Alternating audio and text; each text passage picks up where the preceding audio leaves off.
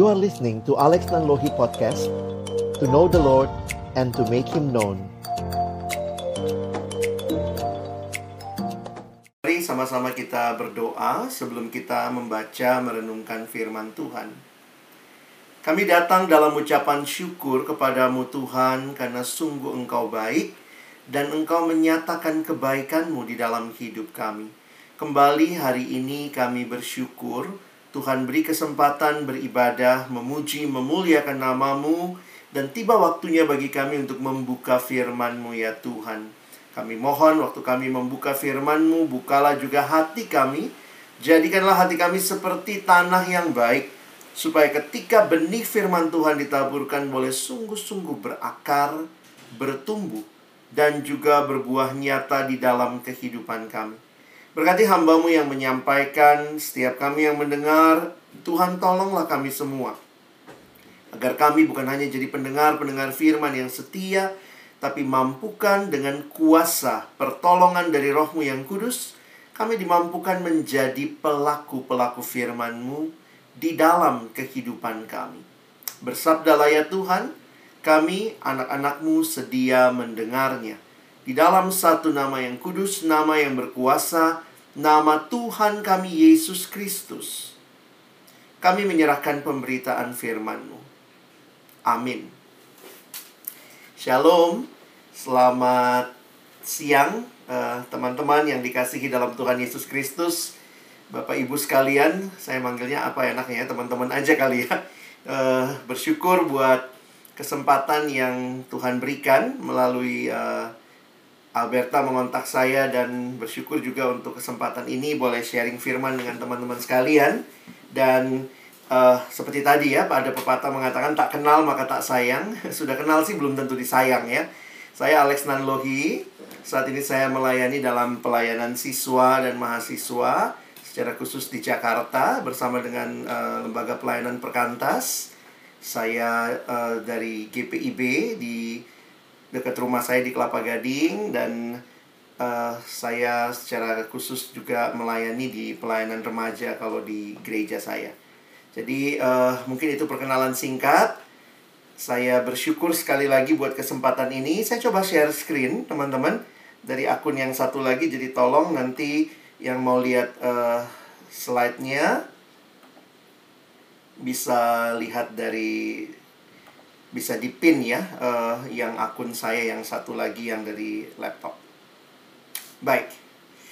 Ya, bicara tentang future and hope, saya pikir ini hal yang uh, selalu akan jadi sesuatu yang menarik bagi orang percaya. Tentu bukan karena kita dijanjikan future yang mulus tanpa pergumulan, tapi sebenarnya digabung dengan hope ini jadi satu hal yang realistik. Ada orang bicara future hanya utopia, sesuatu yang mimpi belaka, tapi kita orang Kristen bicara future yang realistik dan hope itu membuatnya menjadi sesuatu yang akan lebih nyata ya. Nanti kita akan coba lihat sama-sama. Teman-teman dalam situasi corona seperti ini, virus corona yang melanda seluruh dunia, kita paham betul bahwa ini awalnya hanya masalah kesehatan, tapi ternyata telah menjadi masalah ekonomi, masalah sosial, masalah pendidikan, saudara. Jadi harus uh, belajarnya online juga. Lalu jadi masalah keluarga, banyak keluarga dalam masa-masa ini rentan sekali bertemu terus ternyata ya itulah ya, secara psikologi memang demikian gesekan itu bisa dirasakan lebih kuat saya pikir justru di dalam realita orang-orang yang dekat dengan kita. Dan jadi masalah spiritual, ibadah harus online seperti ini dan uh, akhirnya ini jadi masalah yang multidimensi.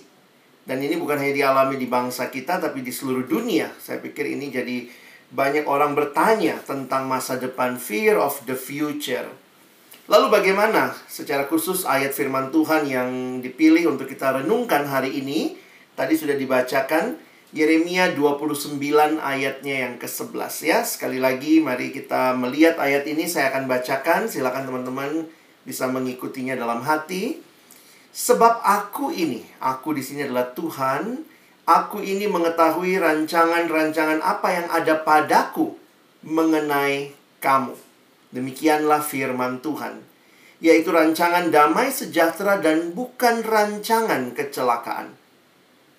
Untuk memberikan kepadamu hari depan yang penuh harapan. Future hope. Hari depan yang penuh harapan. Nah, teman-teman, saya pikir kalau kita lihat ayat ini dipisahkan dari konteksnya, wow, rasanya hidup Kristen itu very optimistic ya. Bahwa Allah kita Allah yang menjamin masa depan kita, Allah yang menjamin kita tidak mengalami pergumulan kecelakaan begitu ya, bukan rancangan kecelakaan. Tapi apakah uh, hidup Kristen seperti itu? Saya harus ingatkan kepada kita bahwa kekristenan tidak berbicara hidup tanpa pergumulan. Banyak orang mau hidup tanpa pergumulan, tapi bahkan kekristenan pun tidak berbicara dan menjanjikan hidup tanpa pergumulan. Kekristenan berbicara tentang hidup yang di dalamnya ada sukacita, ada duka cita, ada kelancaran, ada kesulitan, ada pergumulan, ada kelepasan. Lalu apa yang membedakan? Bahwa kehadiran Tuhan menjadi sesuatu yang sangat membedakan apa yang menjadi panggilan hidup kita sebagai orang beriman dengan mereka yang tidak kenal siapa Tuhan. Nah, teman-teman, saya ingin mengajak kita uh, unpack sedikit ayat ini. Karena jujur aja ayat ini kalau kita bacanya terpisah dari konteksnya, kita bisa kehilangan uh, keindahan dari keseluruhan ayat ini. nah, teman-teman, Yeremia 29 ayat 11 tentu tidak datang sebagai satu ayat begitu saja. Tapi ternyata kalau kalian teman-teman membacanya di dalam keseluruhan konteks Yeremia 29, teman-teman akan menemukan bahwa ini adalah ternyata surat dari Nabi Yeremia. Part of uh, Yeremia menuliskan surat. Yeremia ada di mana waktu itu? Nah, ini menarik ya. Waktu itu Yeremia sedang berada di Yerusalem dan orang-orang Israel sebagian mereka diangkut ke pembuangan di Babel. Ya, Nanti kita akan lihat, jadi Yeremia disuruh Tuhan untuk menuliskan surat ini dari Yerusalem. Yeremia disuruh tulis surat ini dari Yerusalem dikirim untuk orang-orang pembuangan yang ada di Babel. Karena itu kalau lihat Lembaga Alkitab Indonesia misalnya memberikan judul untuk Yeremia 29 ini kalau teman-teman perhatikan adalah surat kiriman kepada orang-orang buangan di Babel. Jadi ingat, surat ini dikirim kepada orang-orang buangan di Babel. Nah, sedikit kalau kita lihat konteksnya, teman-teman bisa memperhatikan di dalam kitab uh, Daniel misalnya, kalau nanti teman-teman misalnya membandingkan, kalau kita lihat dalam kitab Daniel misalnya pasalnya yang ke sebentar ya, kita lihat dalam pasalnya yang ke 9 jadi saya menyimpulkan ya Daniel termasuk yang mungkin membaca surat ini. Jadi pada waktu itu kalau kita ingat kan Daniel juga ada di pembuangan ya mungkin Daniel membaca surat ini ya. Kita lihat sedikit konteksnya kalau Daniel 9 mengatakan begini. Pada tahun pertama pemerintahan Darius, ini Daniel 9 ya ayat 1, anak Ahasiweros, maka keturunan orang Media yang telah menjadi raja atas kerajaan orang Kasdim. Pada tahun pertama kerajaannya itu, aku Daniel memperhatikan dalam kumpulan kitab jumlah tahun yang menurut firman Tuhan kepada Nabi Yeremia. Akan berlaku atas timbunan puing Yerusalem yakni 70 tahun. Lalu aku mengarahkan mukaku kepada Allah, kepada Tuhan Allah untuk berdoa dan bermohon sambil berpuasa dan mengenakan kain kabung serta abu.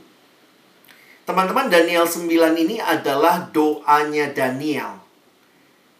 Dan dia berdoa dalam sebuah antisipasi menurut firman Tuhan kepada Nabi Yeremia. Apa sih isinya firman Tuhan kepada Nabi Yeremia? Saya pikir surat ini memberikan kepada kita gambaran apa yang terjadi. Nah, teman-teman yang dikasihi Tuhan, pada waktu itu Israel sedang dibuang dari tanah mereka. Tuhan telah berjanji kepada Abraham akan memberikan tanah dan Tuhan menepati janjinya di zaman Musa memimpin sampai di tepi Yordan dan Yosua memimpin mereka masuk ke tanah perjanjian. Lalu kemudian masa hakim-hakim, lalu masa raja-raja, maka sesudah itu ketika raja Israel makin hari makin jahat, makin jahat, maka seperti janji Tuhan, kalau kamu tidak setia kepadaku, kamu akan kumuntahkan dari tanah. Sehingga bagi orang Israel, tanah itu satu hal yang bukan sekadar tempat mereka tinggal, tetapi itu adalah bukti ikatan perjanjian Allah dengan umatnya. Karena itu, dalam teologianya orang Israel itu, teologi tanah itu penting banget. Sehingga, ketika mereka diangkut dari tanah itu dibuang ke Babel, wah itu arti pembuangan buat orang Israel itu sangat-sangat menyedihkan buat mereka. Tapi ini sebenarnya sekali lagi menggenapkan apa yang Tuhan sudah bilang. Kalau kamu bandel, rajamu bandel, saya akan muntahkan kamu dari tanah di mana aku berikan kepadamu. Jadi kalau teman-teman memperhatikan, ini yang terjadi ya. Lihat petanya sebentar. Pada masa itu Tuhan memakai kerajaan Babel menaklukkan kerajaan Yehuda. Yehuda dengan ibu kota Yerusalem dan rajanya, Raja Babel waktu itu yang menaklukkan adalah Nebukadnezar. Nebukadnezar itu ya ini politiknya orang Babel, menarik ya. Begitu dia kanker, dia menaklukkan, maka dia mengambil orang-orang terbaik untuk dijadikan sebagai pekerja dia. Jadi akhirnya inilah dia bawa orang-orang itu ke pembuangan yaitu di Babel. Di Babylon. Kalau teman-teman perhatikan, itu rutenya seperti itu. Itu jalan yang umum pada masa itu. Jarak antara Yerusalem dan Babel itu kurang lebih seribu mil. It's quite far ya. Dan ketika itu, Tuhan bilang sama Israel, kamu akan ada di tanah ini. Berapa lama? 70 tahun. Ada nabi-nabi palsu yang muncul. Nabi-nabi palsu itu bilangnya begini, enggak, enggak bakal lama, paling 1-2 tahun. Karena itu kalau teman-teman memperhatikan, nabi-nabi palsu itu pesannya apa? Udah, jangan bikin rumah, bikin aja kemah. Karena kita enggak bakal lama di sini, kita akan dibalikkan Tuhan ke Yerusalem. Tetapi Nabi Yeremia kirim surat Coba lihat ayat yang mungkin kita saya nggak angkat ya, tapi bapak eh, teman-teman coba lihat ayat yang kelima. Yeremia 29 kalau ada Alkitab lihat ayat 5 kalimatnya begini. Ini surat yang dikirim Yeremia ya. Dirikanlah rumah untuk kamu diami. Buatlah kebun untuk kamu nikmati hasilnya. Jadi Yeremia lagi bilang, kamu udah continue your life. Buat rumah buat kebun. Kebun itu dari dari situ kamu bisa makan begitu ya. Lalu ayat 6. Ambillah istri untuk memperanakkan anak laki-laki dan perempuan. Ambilkanlah istri bagi anakmu laki-laki dan carikanlah suami bagi anakmu perempuan supaya mereka melahirkan anak laki-laki dan perempuan agar di sana kamu bertambah banyak dan jangan berkurang. Wah, menarik ini ya. Lalu ayat yang ketujuh yang sering kali kita jadikan ayat kalau bicara bangsa dan negara. Usahakanlah kesejahteraan kota ke mana kamu aku buang. Dan berdoalah untuk kota itu kepada Tuhan sebab kesejahteraannya adalah kesejahteraanmu. Teman-teman lihat konteksnya ya. Jadi pada waktu itu, nanti perhatikan Yeremia 28, ada nabi-nabi palsu. Salah satunya Yeremia 28 itu ada nabi Hananya pesannya Nabi Hananya apa? Nggak usah bikin rumah. Kalau anak mau merit tunggu aja pas pulang ke kampung nanti. Nggak usah meritin anak dulu. Ya udah, jangan bikin rumah, tinggal aja di tenda, jangan bikin ladang. Nanti kamu berharap dari ladang itu. Pokoknya ingat, Tuhan nggak bakal lama menghukum kita di sini. Itu pesannya nabi palsu. Nabi yang asli, Yeremia, dari Yerusalem kirim surat tinggal aja dulu di sana. Bikin rumah ya, anak kawin silahkan. Kawinin anak seterusnya.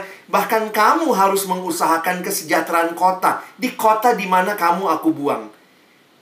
Karena itu waktu saya menghayati ini, saya yakin banget bahwa Yeremia ini suratnya dibaca oleh Daniel. Karena itu lihat, Daniel pun kerja di Babel. Apa kira-kira alasan Daniel kerja di Babel ya?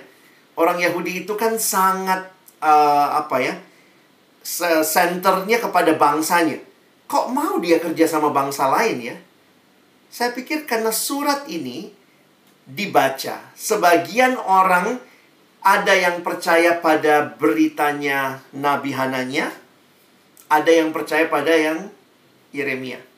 Nah, teman-teman kalau ada di masa itu lebih suka beritanya siapa? Yang satu bilang enggak bakal lama, satu dua tahun paling. Yang satu bilang enggak, 70 tahun. Wow. Ini Nabi Yeremia memang pesannya enggak enak banget ya. Kamu di sini bakal 70 tahun. Jadi, apa yang mau diajarkan sebenarnya? Dosa itu memang mendatangkan kehancuran dan penghukuman Allah. Tapi itu hanya 70 tahun. Karena itu teman-teman kita lanjut suratnya ya. Tadi kita udah baca sampai ayat yang uh, ketujuh misalnya. Nanti teman-teman lihat lagi surat ini ya. Nah ini lanjutannya. Suratnya Yeremia. Kita lihat ayat 10 sampai 14. Karena ayat 11 ada di dalam ayat ini rangkaian ayat ini. Sebab beginilah firman Tuhan, apabila telah genap 70 tahun bagi Babel, barulah aku memperhatikan kamu. Jadi Tuhan bilang nanti nih, habis 70 tahun, aku akan menepati janjiku itu kepadamu dengan mengembalikan kamu ke tempat ini. Tempat ininya mana? Ke Yerusalem. Ingat, Nabi Yeremia tulis surat ini dari Yerusalem. Salem. Barulah ayat ini. Sebab aku ini mengetahui rancangan-rancangan apa yang ada padaku mengenai kamu. Demikianlah firman Tuhan, yaitu rancangan damai sejahtera dan bukan rancangan kecelakaan untuk memberikan kepadamu hari depan yang penuh harapan. Teman-teman jujur ya, kalau kita cuma lihat ayat 11 kayaknya optimis banget ya. Tapi sebenarnya ayat 11 harus dibacanya gimana? Setelah 70 tahun baru aku kasih nih rancangan damai buat kamu.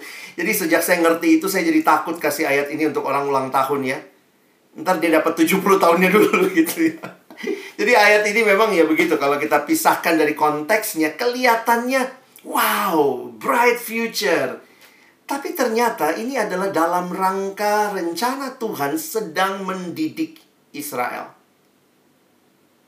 Dan perhatikan apa yang akan dilakukan ayat 12. Dan apabila kamu berseru dan datang berdoa kepadaku, maka aku akan mendengarkan kamu. Apabila kamu mencari aku, kamu akan menemukan aku. Apabila kamu menanyakan aku dengan segenap hati, aku akan memberikan kamu menemukan aku. Demikianlah firman Tuhan dan aku akan memulihkan keadaanmu dan akan mengumpulkan kamu dari antara segala bangsa dan dari segala tempat ke mana kamu telah kucerai beraikan. Demikianlah firman Tuhan dan aku akan mengembalikan kamu ke tempat yang dari mana aku telah membuang kamu. Dari mana? Dari Yeru, Yerusalem. Jadi sebenarnya menarik ya, kayak Tuhan bilang gini ya, sebelum 70 tahun kamu berseru-seru juga ya uh, ya bukan aku tidak akan mendengarkan kamu dalam masa itu, aku akan mendengarkan kamu setelah 70 tahun. Jadi ayat tadi ya, aku akan memberi kamu menemukan aku ya tanda kutip setelah 70 tahun. Ini kenapa? Saya pikir jangan bilang Tuhan kok jahat banget sih. Ini disiplin Tuhan untuk Israel. Masih ingat? Israel dihukum bukan karena dia bikin salah satu kali, Tuhan tuh sudah sabar banget. Mereka salah berkali-kali. Rajanya berkali-kali. Dan Tuhan utus nabi ingetin. Nabi ingetin, nabi ingetin. Nggak denger-denger juga. Akhirnya Tuhan katakan apa? Aku bawa kamu keluar dari tanah itu. Supaya nanti kamu akan balik lagi setelah 70 tahun. Penghukuman Allah tujuannya bukan untuk menghancurkan teman-teman. Tapi untuk memulihkan. Dan sesudah itulah kita melihat bahwa rencana Tuhan yang indah itu terjadi karena memang Tuhan yang punya rencana yang indah untuk umatnya. Ya silahkan nggak masalah ya pakai ayat ini kalau ada yang ulang tahun ya. Tapi poin saya adalah jangan melihat ayat ini seolah-olah kalau ikut Tuhan tidak ada pergumulan. Saya pikir justru kita tidak memahami ayat ini dengan utuh. Tetapi apa yang saya ingin ajak kita pikirkan saat ini ya, bahwa hidup bersama Tuhan itu hidup yang realistis. Kehujanan ya basah. Jangan berpikir oh, anak-anak Tuhan kayaknya nggak bakal basah waktu hujan. Semua basah, saya tidak. Begitu ya. Saya pikir banyak orang Kristen salah mengartikan penyertaan Tuhan jadi sesuatu yang Tuhan favorit sama saya. Tidak sama yang lain.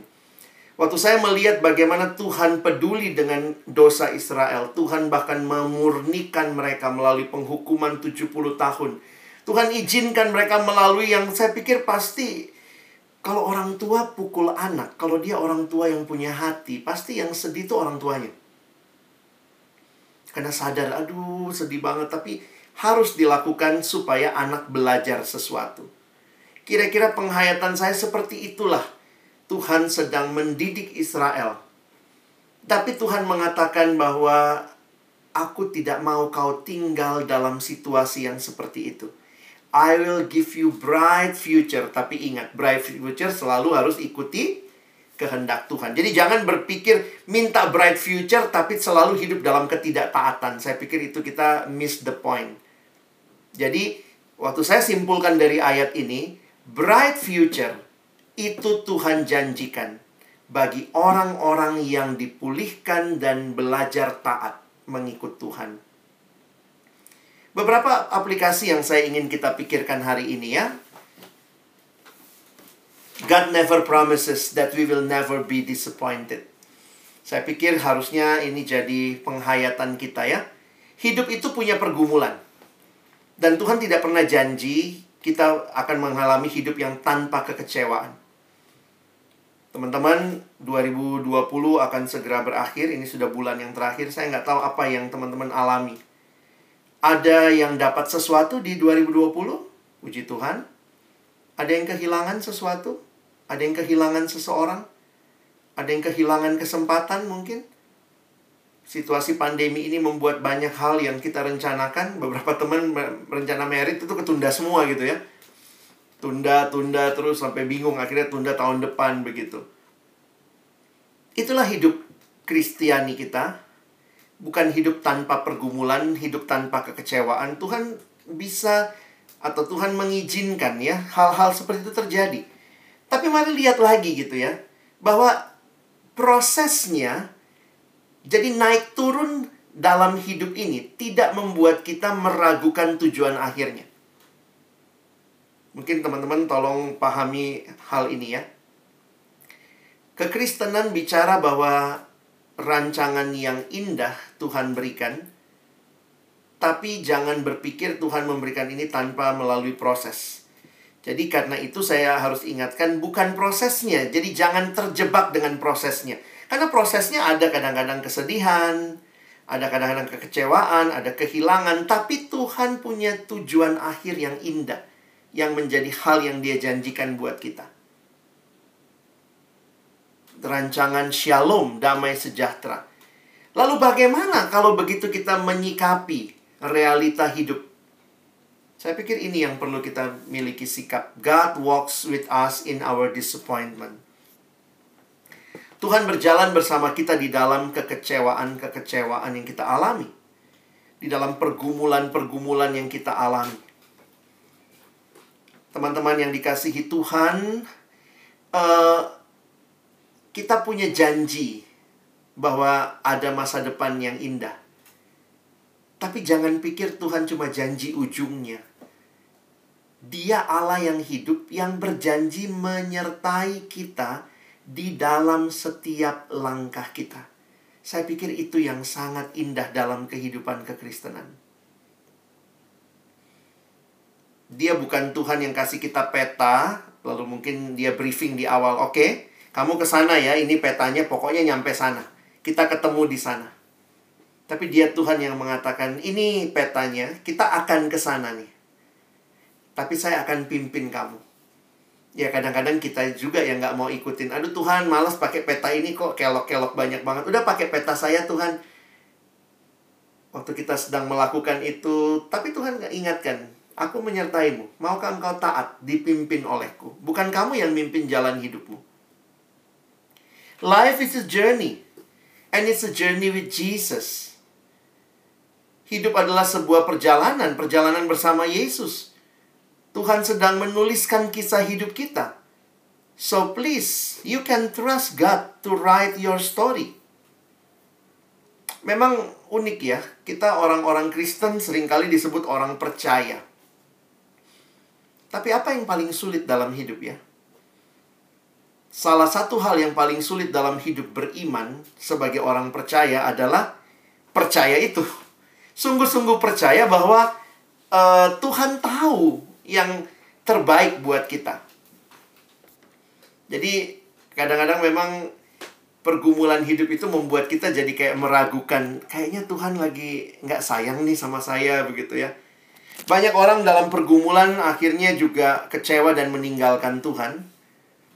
Tuhan itu jadi baik atau jadi jahat tergantung apa yang kita alami dan saya pikir dengan demikian orang itu nggak kenal Tuhan sebenarnya.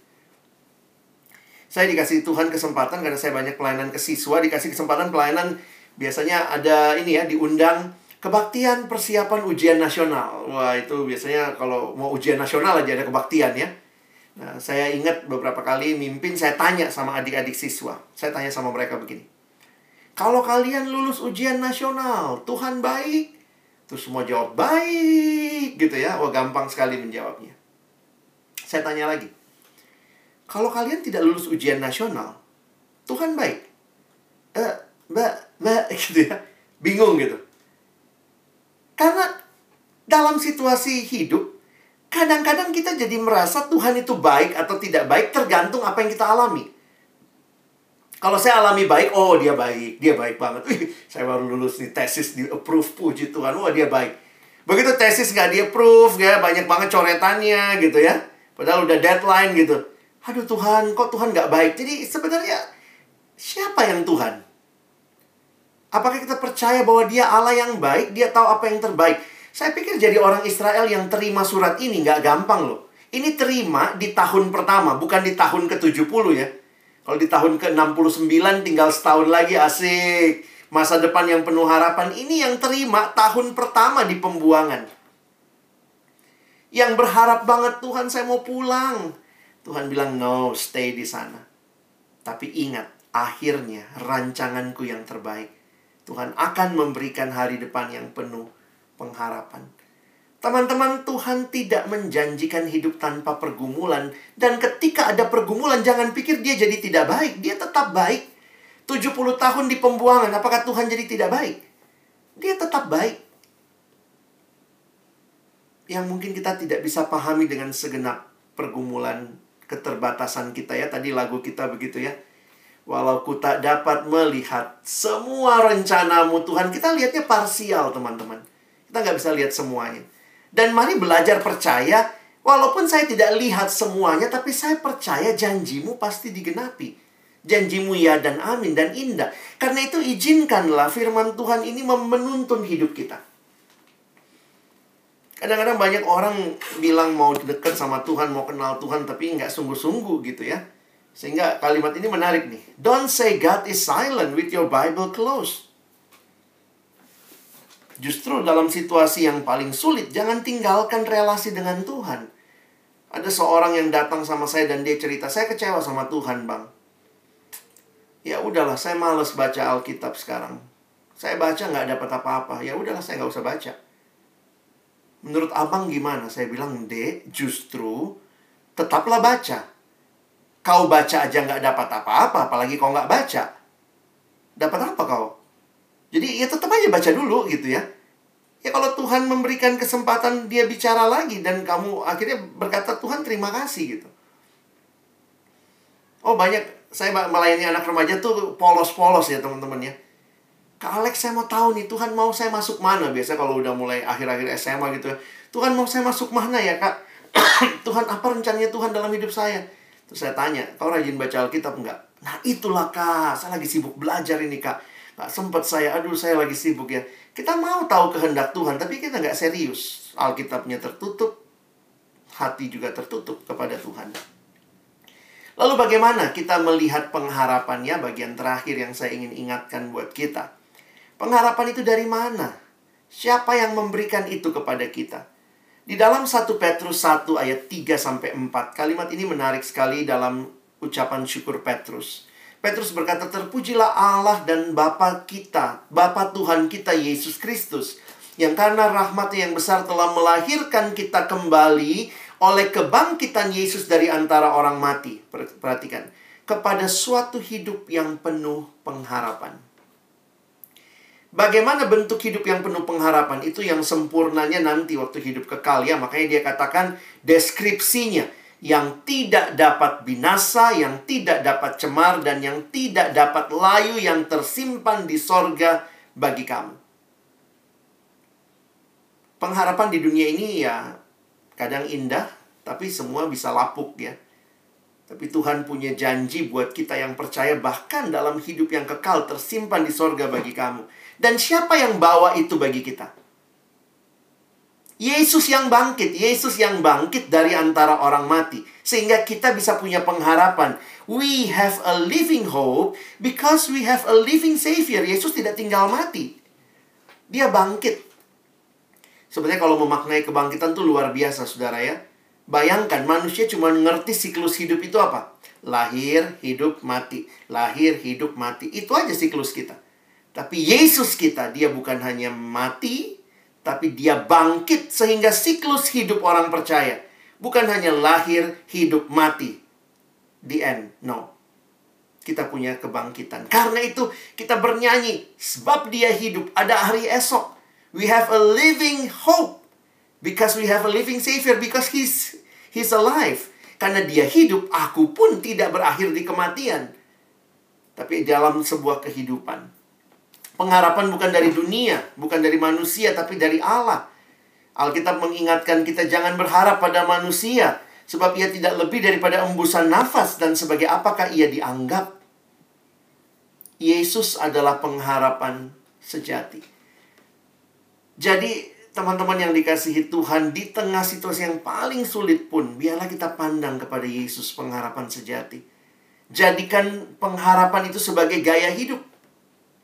Berharap adalah gaya hidup.